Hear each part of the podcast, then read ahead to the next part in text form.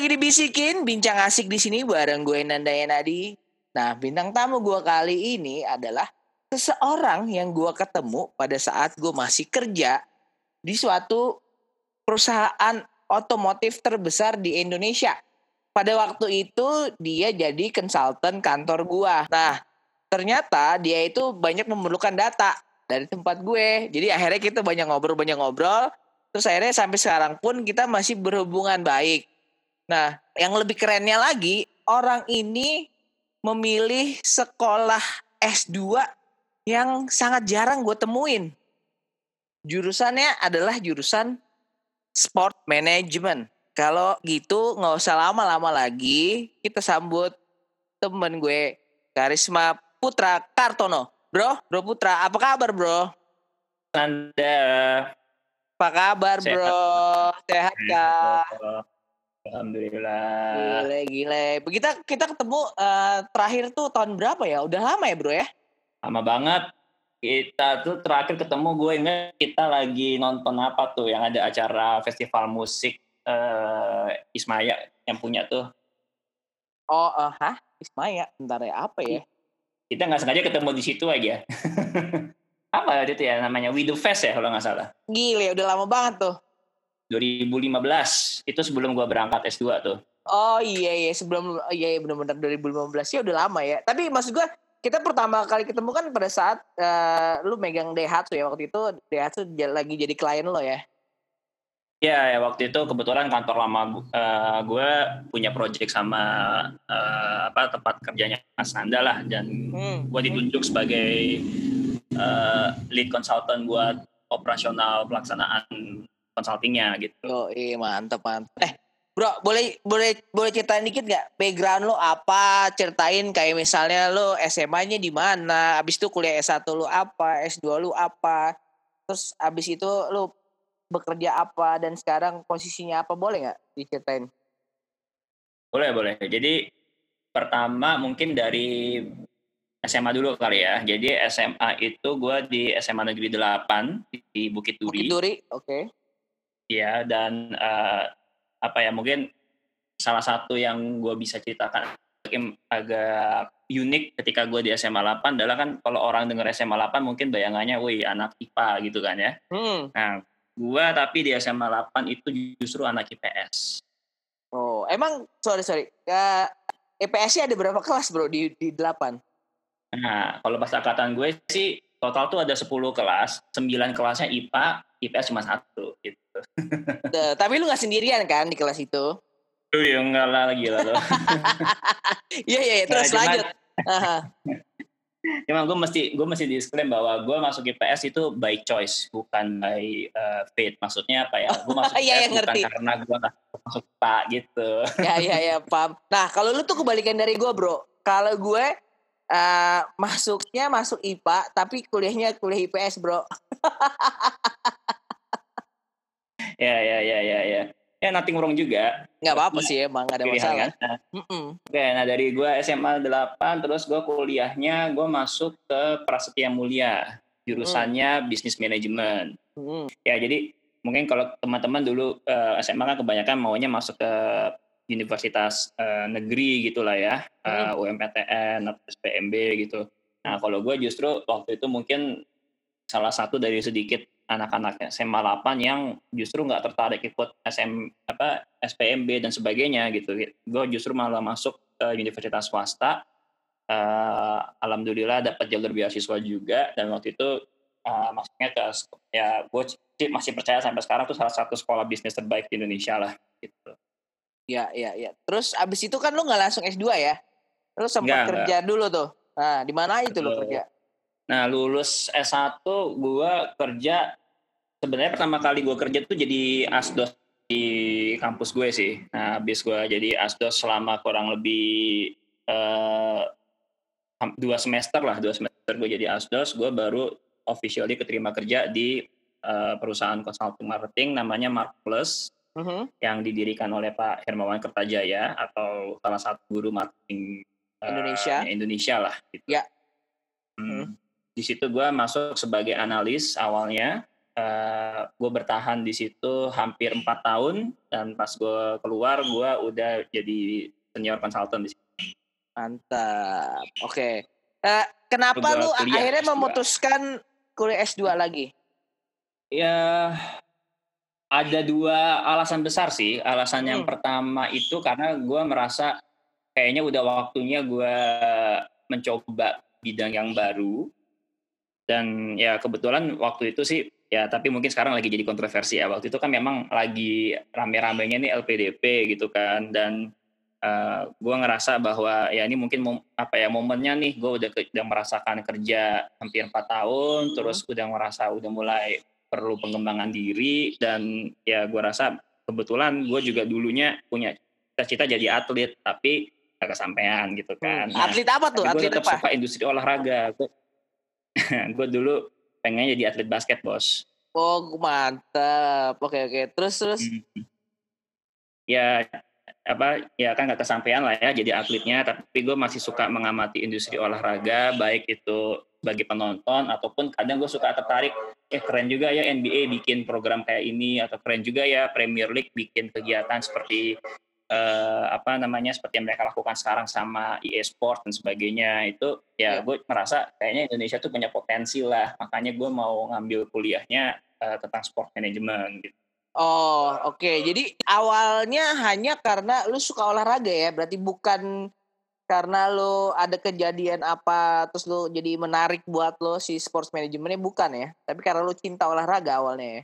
Iya ya berangkat dari karena gue emang passionate about sports dan ya gue juga ya mungkin karena gue terlat apa ya terlatih berpikir secara bisnis juga kali ya. Kan gue bisnis manajemen terus juga di consulting uh, marketing gitu kan. Jadi gue sebenarnya uh, waktu itu pun udah berpikir potensi Indonesia untuk menjadi industri olahraga itu besar sekali sebenarnya. Tapi kok tata kelolanya apa ya ya belum belum at its best lah. Makanya gue hmm. ngerasa mungkin bentuk kontribusi gue yang konkret buat negara ya apa apa bentuknya yang mungkin ya dengan gue menjadi orang yang mengerti tata kelola sport secara profesional dan ya berkontribusi di industri itu gitu. Gue pikir hmm. sih simpel itu waktu itu.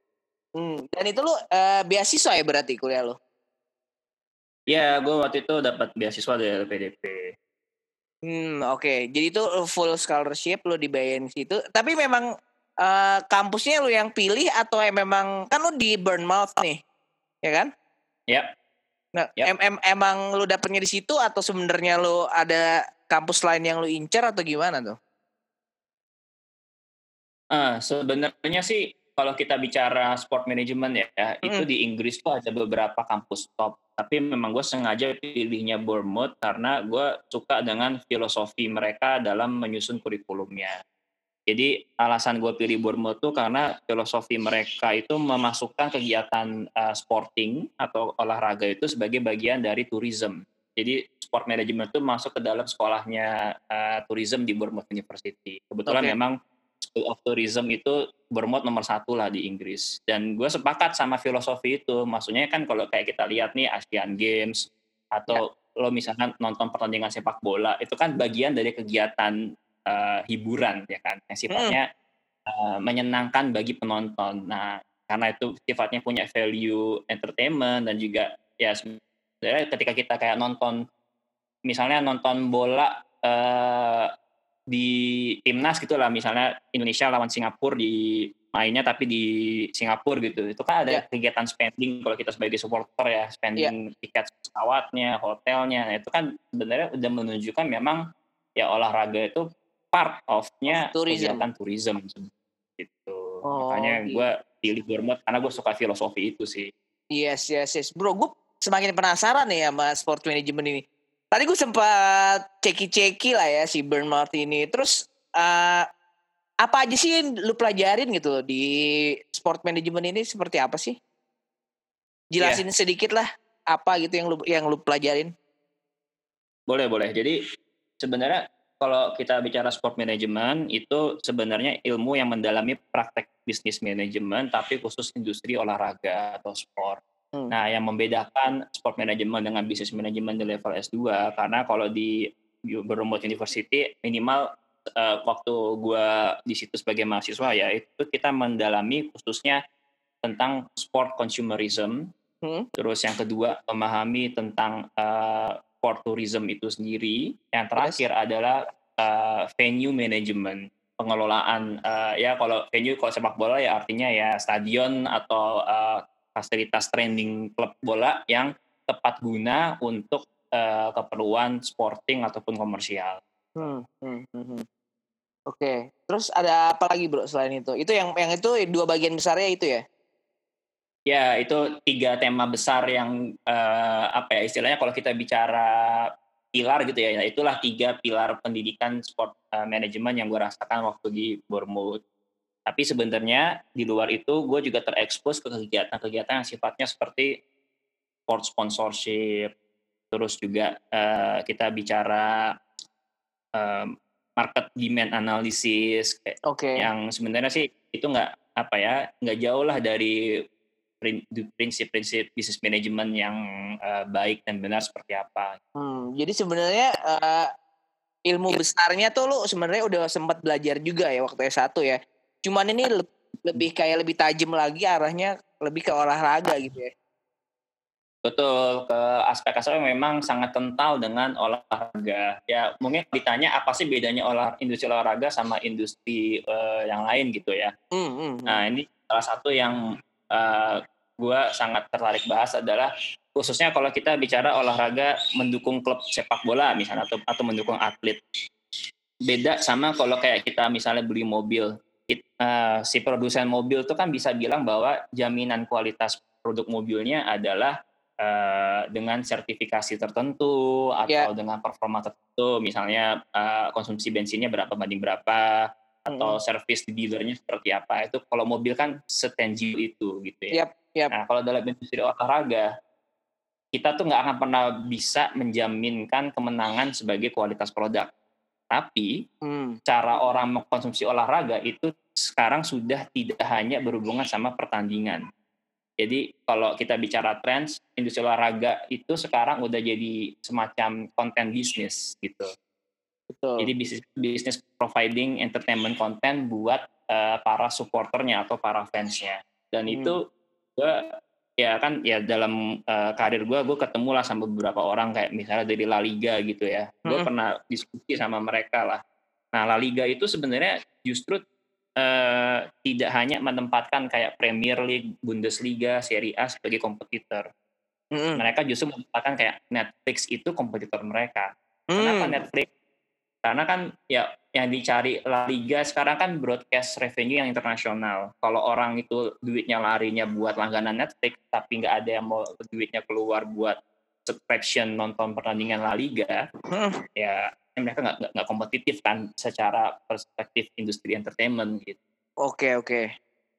Nah terus tadi kan lu, lu bilang lu pernah ngobrol sama orang La Liga. Kalau lu kayak lu pernah terekspos nggak sih karena lu di Inggris gitu lu, lu pernah ketemu hmm. Kayak mungkin orang karena lu di Bournemouth mungkin lu pernah langsung ngobrol sama orang-orang yang ngurus Premier League-nya sendiri gitu kan. Premier League kan juga salah satu uh, apa ya bisa gue bilang kalau ngomongin sepak bola saat ini yang paling banyak uh, penggemarnya gitu loh yang dan orang paling banyak nonton kan Liga Inggris gitu. Betul, betul. Ya, memang uniknya mungkin hanya kampus gue waktu itulah Bournemouth University yang menjadi sponsor klub sepak bola lokal. Itu hmm. mungkin hal paling dari Bournemouth University ya karena kita memang uh, betul-betul menjadi sponsornya AFC Bournemouth. Sayangnya mereka tahun ini degradasi. Nah, uh, ya apa ya di situ sebenarnya banyak kegiatan yang ada peluang untuk ketemu sama orang-orang Bournemouthnya. Hmm. Gua waktu itu pun bahkan salah satu tugas kuliah gue adalah gue mesti bikin perbandingan stadion. Nah waktu itu kebetulan stadionnya gue bandingin uh, tentunya Stamford Bridge karena gue pendukung Chelsea. Oke. Okay. Dan uh, satu lagi gue pilih justru sebenarnya Brighton. Kenapa Brighton? Karena waktu itu waktu itu kan mereka masih di Championship ya. Tapi yep. secara fasilitas venue itu Brighton justru paling modern dibandingkan yang lain. Kalau Bournemouth malah stadionnya apa ya uh, agak sedikit ketinggalan lah dari segi fasilitas dan hmm. uh, majuannya gitu. Hmm. Terus ternyata kesimpulannya apa tuh? Kenapa si Brighton walaupun di, dia masih di Championship dia bisa lebih hmm. bagus dibandingin Bournemouth tuh kenapa? Itu bagian dari bisnis strategi mereka sih sebenarnya. Karena mereka udah punya visi bahwa ya uh, Brighton itu harus menjadi klub level Premier League hmm. dan mereka harus bisa menjadi brand global suatu saat nanti gitu. Dan memang mungkin itu masih terkesan kayak terlalu ambisius ya. Tapi itu yang justru gue bikin apa ya? Gue merasa salut sama klub-klub di Inggris waktu itu. Kalau ketika gue bikin tugas-tugas kayak gitu dan ngobrol sama orang-orang yang menjadi narasumber gitu ya. Hmm. Mereka tuh selalu percaya bahwa ya itu dreams yang harus dikejar gimana pun caranya. Masalah itu tercapainya bukan tahun ini atau baru lima tahun lagi itu uh, itu namanya proses gitulah tapi iya. secara yeah. ambisinya mereka udah mengejar ya gue harus di stadionnya apa ya, gue harus jadi klub bola yang terbaik baik itu dari sisi komersial dari sisi stadion dari sisi fans itu hmm. mereka selalu berlomba dari sisi itu sih nah sebenarnya gue juga apa ya agak uh, bukan menyayangkan lah ya apa ya gue agak tebelnya kan sekarang mungkin kalau teman-teman nonton Netflix gitu ya ada program namanya Sunderland Till I Die gitu kan iya yep. nah itu nonton itu tuh itu sebenarnya udah hampir menjadi intisari ke seluruh keseluruhan dari studi football management yang gue rasakan waktu gue di Inggris sebenarnya karena itu hmm. udah membahas aspek aspek fasilitas aspek pengelolaan pertandingan seru banget lah nonton itu hmm. nah gue ngomong-ngomong aspek pengelolaan pertandingan tadi kan lo sempat bilang kalau lo tuh sebenarnya senangnya main basket gitu kan. Tapi uh, di Bermot itu lu nggak cuman belajar soal sport sport yang lu sport manajemen yang lu pelajarin nggak cuman soal bola dong atau memang cuman sebagian besarnya memang bola? Ya justru sebenarnya kalau kita berpikir uh, sport manajemen ya sepak bola itu kan hanya salah satu uh, cabang olahraganya. Nah, hmm. di luar sepak bola, gue juga belajar uh, kayak pengelolaan event yang seperti uh, apa sempat booming banget di Jakarta lah sebelum era pandemi itu kan kayak maraton. Iya, iya, iya, betul, betul. Apa, ada kayak Asian Games itu kan istilahnya mega events lah kalau di dalam dunia sport. Iya. Nah, mega event di Asian Games, Olympic Games itu juga gue pelajarin. Hmm. Termasuk yang level-level kecil. Event gue sempat merasakan pengelolaan event uh, buat participation sport ya. Maksudnya participation sport itu kan kalau kayak, kayak sepak bola itu kan uh, entertainment sport kita yeah. Iya. uh, bertanding gitu kan mm-hmm. adalah kita yang bersendiri apakah itu kesehatan kita atau fun, fundraising lah atau sekedar inklusivitas sosial mm. itu juga gue sempat pelajarin sih gitu. Mm. Oke, okay. kalau waktu kuliah di sana sempat bikin lu nya sendiri sempat terlibat dalam ada ada kegiatan sport yang di manage sama kampus kah atau sama mungkin dari elunya dan teman-teman itu ada nggak sih kayak gitu di sana waktu lu kuliah? Ada, uh, tapi gue waktu itu ikutnya lebih ke recreational sport sih. Jadi gue bukan ikut yang kayak di, di kampus tuh sebenarnya mereka punya tim sport yang elit dalam artian yang benar-benar uh, tujuannya tuh untuk uh, berkompetisi di level nasionalnya mereka, bahkan pemenangnya mewakili Eropa dan sebagainya itu uh, ada. Tapi kalau gue waktu itu mikirnya ya gue lebih baik fokus ke yang depannya olahraga rekreasi aja sih, yang, oh. yang apa ya uh, for for the sake of fun sama for the sake mm -hmm. of being healthy, bukan for the sake of uh, being kompetitif gitu. Mm -hmm. Nah, tapi lu waktu karena lu suka basket, tapi waktu di sana lu merhatiin NBA juga gak sih? Lu pemerhati NBA juga gak sih? Uh, apa ya? Itu otomatis ya. Jadi hmm. sebenarnya ternyata kalau kita bicara for consumerism, hmm? uh, basically kalau kita udah sukanya olahraga tertentu, di mana pun kita berada pasti akan nyoba ngikutin. Terlepas mungkin uh, apa ya tingkat keterlibatannya beda-beda. Ada yeah. yang memang sangat ngikutin sampai hafal banget semua perkembangan yang terjadi. Ada juga yang sifatnya ya gue casual aja. Casual tuh oh ya gue cuma dukung tim Utah Jazz ya gue update terus Utah Jazz uh, progresnya gimana. Terus gue mungkin ikut-ikutan ya kan uh, kayak waktu itu Utah Jazz sempat ada voting oleh fans atau uh, akses eksklusif belakang layar untuk uh, ditonton lewat aplikasi nah kayak gitu-gitu gue pasti ngikutin sih tapi kalau yang sampai uh, benar-benar jadi case study memang NBA waktu itu bukan case study besar yang jadi jurusan gue gitu oh. tapi gue pribadi as a person yang enjoy bola basket but doing that secara apa ya secara alam bawah sadar tuh gue melakukan itu gitu Hmm, hmm, hmm, hmm. Kenapa, kenapa sih gue uh, tanya soal NBA kan kalau kalau menurut gue nih ya NBA kan dia bas dia membuat basket tuh jadi kayak industri entertainment yang sebenarnya di dalam satu pertandingan basket di Amerika itu nggak cuma lu nonton basket doang gitu. Pas lagi mereka ada timeout, lu pasti disuguhi yeah. sama ada atraksi-atraksi ya ya dari sulap, dari dance, dari yeah. adalah macam-macam dari DJ ada segala macam. Nah itu mereka tuh bener-bener menurut gue pinter banget gitu mengemas ya sebuah pertandingan basket tuh jadi kayak kayak lu tadi bilang jadi kayak entertainment gitu, entertainment dan rekreasi. Jadi orang pergi ke situ tuh yeah. bisa dapat berbagai macam apa ya su suguhan lah gitu. Jadi nggak cuma nonton basket doang dan itu uh, bisa dilakukan pada saat timnya kesukaannya dia main tuh hampir hampir setiap itu rame gitu yang nonton. Even bisa kadang-kadang kalau tim-tim gede gitu ya yang emang fansnya banyak, even setiap mereka tanding pasti full capacity tuh kalau udah main di home ya kan?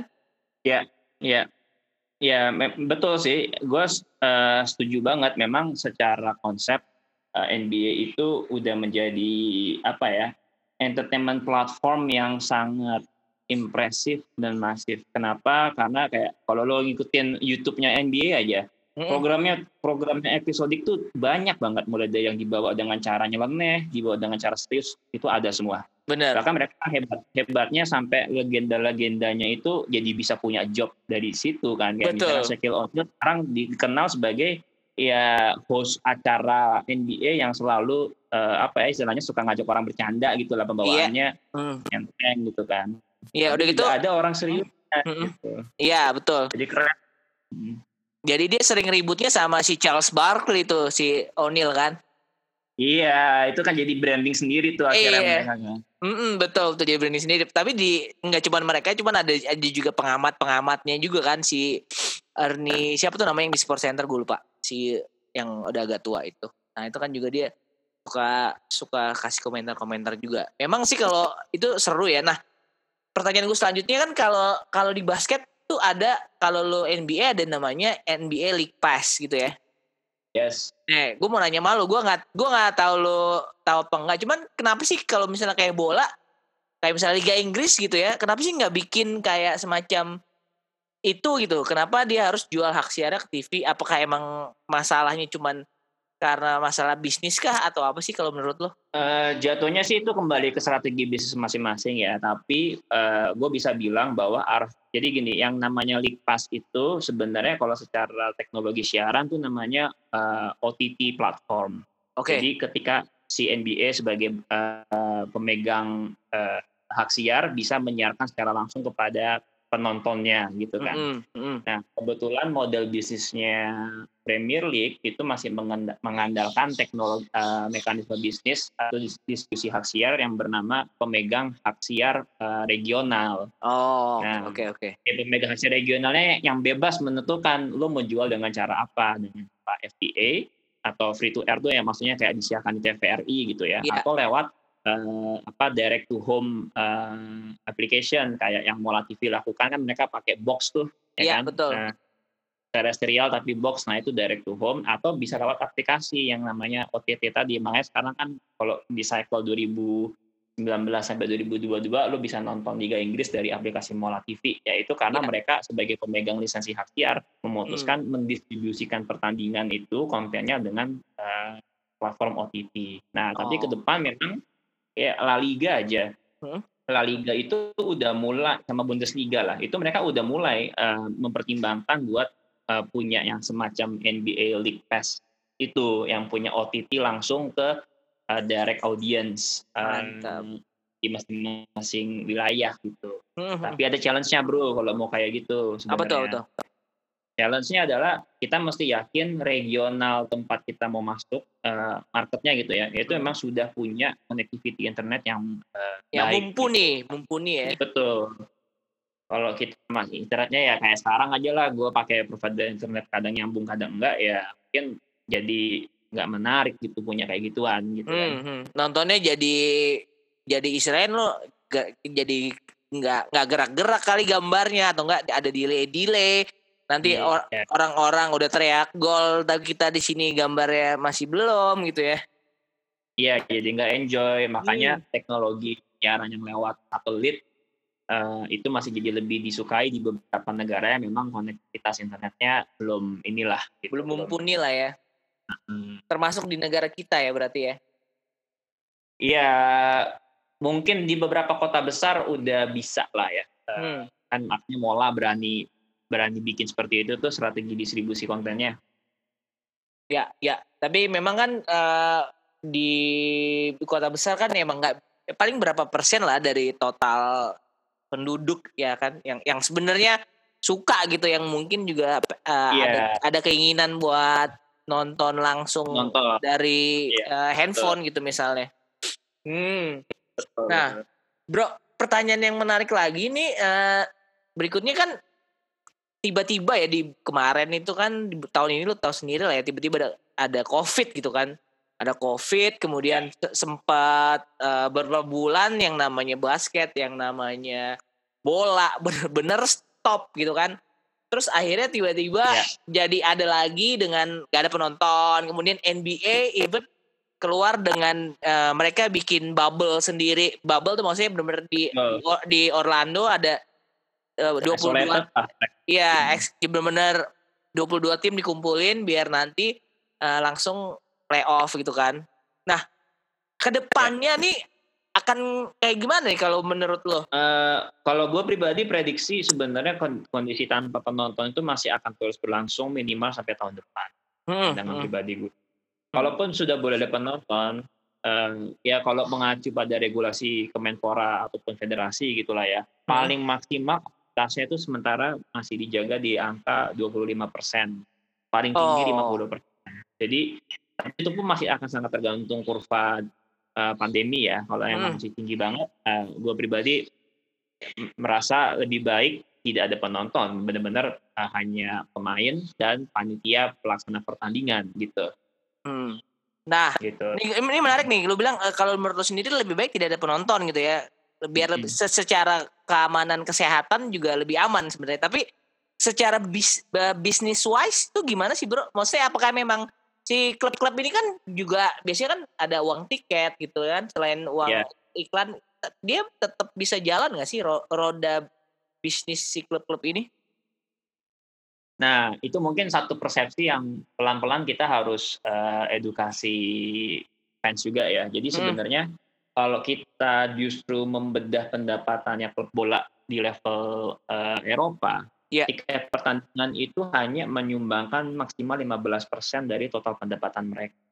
Oh, oke okay, oke. Okay. Dan menurut gua yang benar yang kayak gitu. Kenapa? Karena pertandingan sepak bola profesional atau level elit, uh, nggak usah sepak bola olahraga lah yang level elit, itu sudah nggak masuk akal untuk mengandalkan pendapatan dari tiket sebenarnya. Karena hmm. harusnya paretonya mereka atau uh, klub sepak bola profesional ataupun olahraga yang lain, Pareto terbesarnya harusnya dari dua, yaitu dari uh, pendapatan hak siar sama okay. pendapatan dari sponsorship.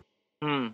Gitu. Itu yang jadi Pareto harusnya di situ. Dan memang sayangnya kalau di Indonesia kan mungkin belum semua klub lah bisa uh, berpandangan dengan ekosistem bisnis yang seperti itu atau bahkan kayak hak siarnya ya. Liga 1 aja itu mungkin belum cukup untuk menjadi uh, kontributor pendapatan terbesar bagi suatu klub gitu. Tapi ke hmm. depan harusnya sih begitu. Karena ya jujur aja ya ini gue bisa bicara dari sudut pandang pribadi sih ya. Uh, lo punya stadion 50 ribu keisi penuh katakan harga jual tiketnya 50 ribu lah 50 ribu dikali 50 ribu itu kan udah berapa tuh? Dua ratus berapa tuh? 50 ya?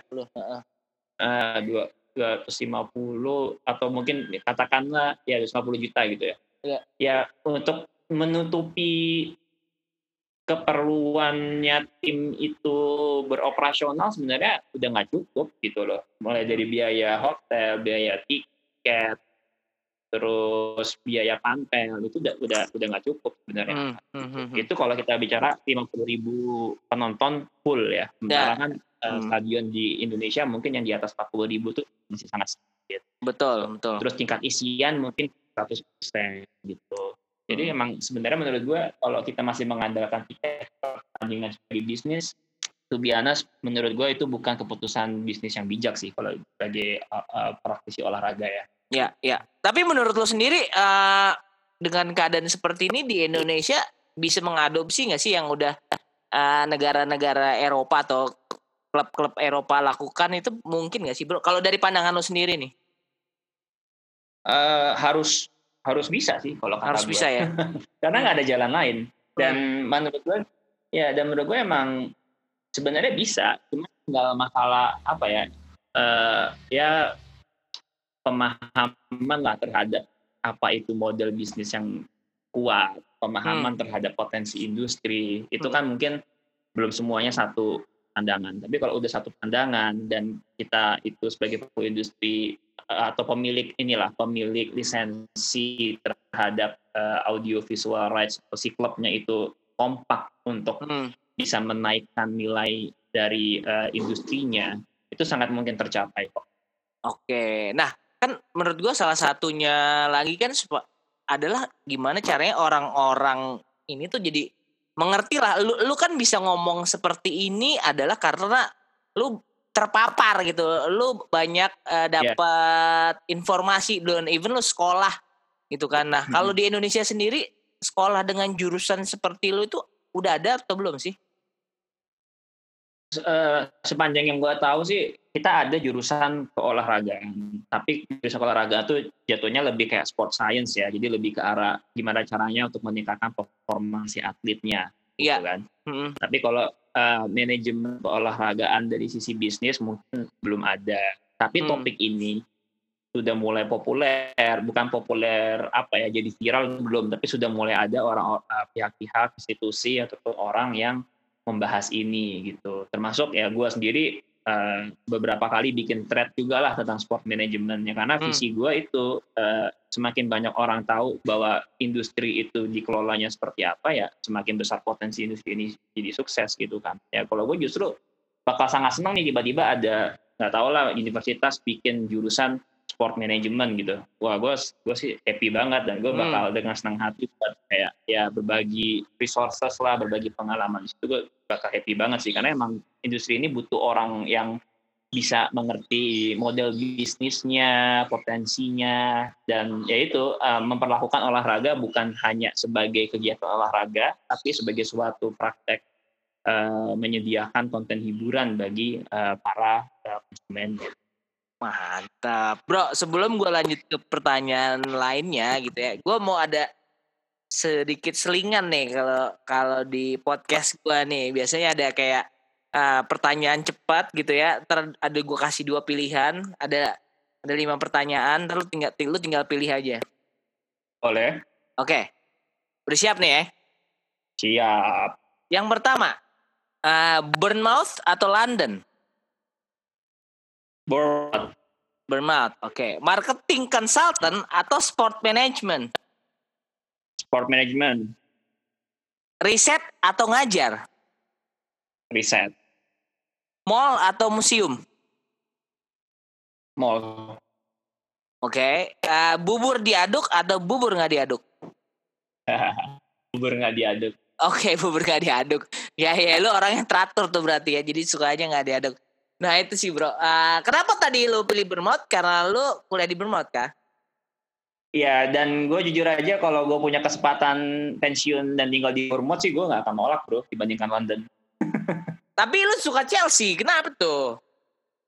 Ya itu kan lebih ke apa ya istilahnya ya emang gue emang gue fans uh, ya dulu gue suka Chelsea pertama kali karena Frank Lampard dan hmm. kebetulan hmm. gak lama Frank Lampard masuk Mourinho masuk akhirnya Chelsea juara ya gue makin seneng lah tapi Bournemouth ke London tuh nggak jauh kok. Gak jauh ya. Gue mau nonton, ya, hmm. gue nonton Chelsea mah tinggal sewa mobil atau naik kereta maksimal maksimal dua setengah jam udah nyampe ke, ke Stamford Bridge. Jadi dulu lo lu sempat nonton Chelsea juga dong ya? Sempat, sempat. Hmm, beberapa kali lah pasti mumpung di sana ya kan nggak nggak bisa diulang lagi kan kalau udah di sini. Betul.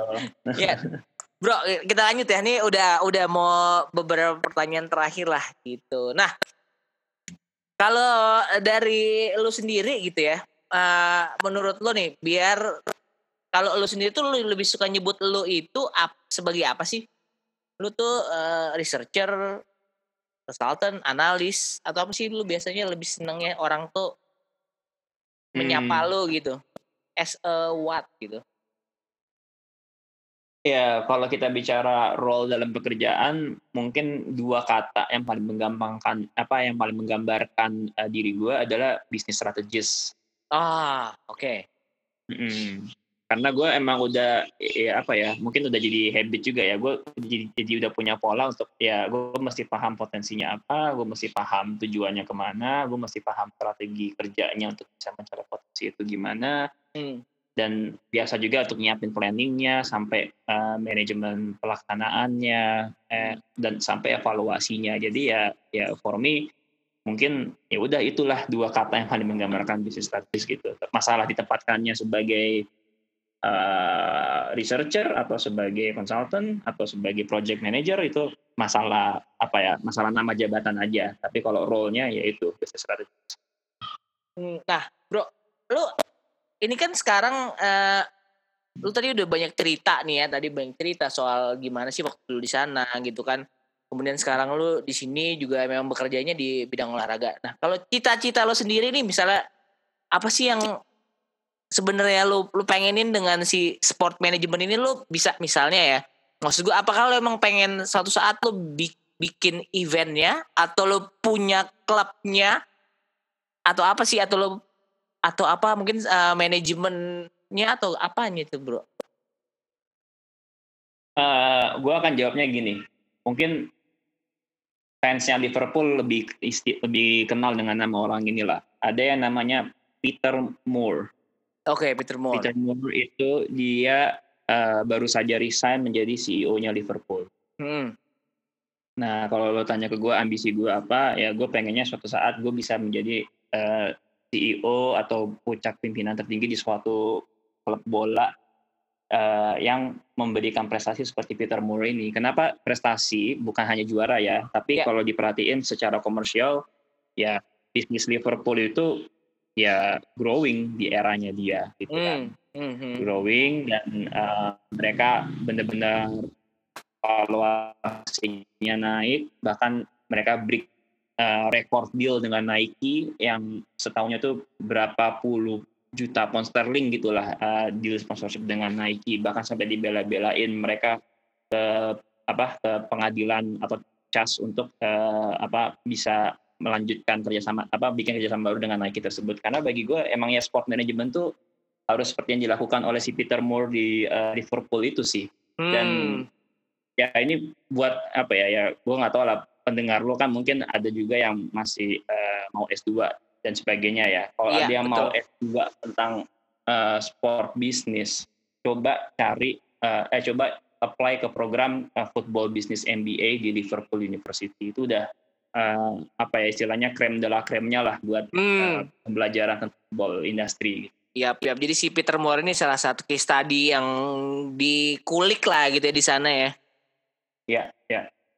Hmm, bro, ini kita udah mau hampir di penghujung lah ya, karena memang ya waktu juga nih yang harus membatasi obrolan-obrolan kita gitu. Nah, kalau uh, menurut lu, menurut lo ya, buat orang yang kira-kira mau menekuni bidang yang lu sekarang lakukan gitu, apa sih menurut lo yang harus mereka punya? Atau apa yang sih yang mereka harus lakukan? Uh, Oke, okay, gue akan membuka dengan mengatakan bahwa memang sebenarnya jalan cerita hidupnya orang kan masing-masing ya, nggak harus yes. uh, nggak harus mengikuti uh, plek apa yang pernah gue lakukan. Tapi hmm. lepas dari itu, gue sangat advocate kalau lo emang pengen banget bisa masuk ke dunia olahraga, pengen develop uh, industri olahraga di sini. Ya, yang pertama sih modal yang harus lo pegang adalah um, modal nekat sih. Kenapa nekat? Karena ya kalau lo carinya pekerjaan yang memberikan lo gaji yang tinggi, kerjaan yang nyaman, mungkin itu jangan di industri olahraga lah. Karena industri olahraga itu masih industri yang lagi growing hmm? dan apa ya belum banyak best practices yang ditemukan di sini. Gitu. Oke. Okay. Jadi uh, kalau tujuannya nyari duit bukan di industri olahraga lah, itu berat. Jadi passion dan nekatnya pasti Nah, yang kedua ya otomatis lo harus melengkapi diri lo dengan ya itu eh, gimana pun juga pemahaman konteks itu kan modal penting lah dalam berkarir. Nah, satu-satunya cara yang paling cepat memahami konteks tentang industri olahraga ya either lo ambil kuliah khusus di bidang itu, ikut hmm. sertifikasi atau hmm. ya sekarang misalnya banyak kegiatan yang membahas atau seminar yang membahas tentang sport management ya lo ikutin dan networking deh sama orang-orang ya karena kan sekarang dengan dunia digital media ya ya Lebih lo bisa connect ya? sama orang-orang hmm, dengan orang-orang yang jadi narasumber gitulah dan ya kalau em cocok ya bukan nggak mungkin lo direkrut menjadi orang yang bekerja di perusahaan itu gitu. Hmm, hmm. Bro, uh, last question nih bro, last last but not least ya, Kira-kira kan uh, lu sekarang udah udah dapet nih, lu menekuni bidang olahraga gitu ya sekarang. Kira-kira kalau hmm. lu nggak menekuni pekerjaan lu nih di bidang olahraga, lu bakal ngerjain apa sih, bro? Uh, yang pasti sih gue nggak akan jadi youtuber mas. Anak sekarang banget tuh ya youtuber gitu ya. Itu yang pasti gue nggak akan nggak akan jadi youtuber. Tapi kalau ditanya kira-kira bakal kerjain apa, ya I think akan jauh-jauh dari uh, hal yang gue passionate. Mungkin gue tetap akan menjadi business consultant di perusahaan consulting atau hmm. gue masuk ke klien tapi megang ya peran sebagai strategic plannernya mereka. Hmm, hmm, hmm, hmm, hmm. Oke, okay, uh, eh, terakhir ada ada pesan-pesan nggak sih yang lo mau sampaikan buat uh, pendengar-pendengar podcast gue? Iya, uh, apa ya? Kan yang gue tangkap nih podcastnya Mas Nanda kan lebih kayak pengen memberikan inspirasi tentang variasi dunia karir yang nggak konvensional lah gitu ibaratnya iya, gitu. Iya, kan. betul betul. Nah, ya paling kalau ditanya pesan apa ya, gue mungkin pesannya ya kita memang harus berani think different mm-hmm. untuk bisa do things differently juga gitu kan. Kalau misalnya kita mencari sesuatu yang sama atau sesuatu yang sifatnya udah umum, ya hidup kita ya akan gitu-gitu aja gitu kan. Makanya mungkin mereka mendengar podcast Mas Nanda karena uh, ingin mencari something different yang bisa dilakukan. Kan. Nah itu jadi mod apa ya pesan gue ya jaga terus curiosity-nya dan selalu coba berani untuk think different tapi relevan gitu ya jangan yeah. jangan cuma for the sake of ya yang penting gue beda aja beda gitu, ya, ya. mantap keren banget bro pesan-pesannya Bro Putra, ah, thank you banyak waktunya udah sempet udah sempet sempetin ngobrol sama gue, ngeluangin waktu, udah udah sharing juga pengalaman-pengalaman lo. Banyak banget yang gue dapat dari lo hari ini. Semoga yang dengerin juga bisa dapetin sesuatu, even mungkin terinspirasi jadi, jadi pengen uh, ngambil kuliah S2 soal sports management atau mungkin nanti akan ada yang bikin sesuatu lah di bidang olahraga gitu ya. Yes, pastinya Mas Nanda. Thank you juga udah ngundang gue ya. Oke bro, sama-sama. Sampai ketemu lagi ya bro. Sehat-sehat terus ya bro. Thank you, thank you Mas Nanda. Yo, bye-bye. Ya. Bye.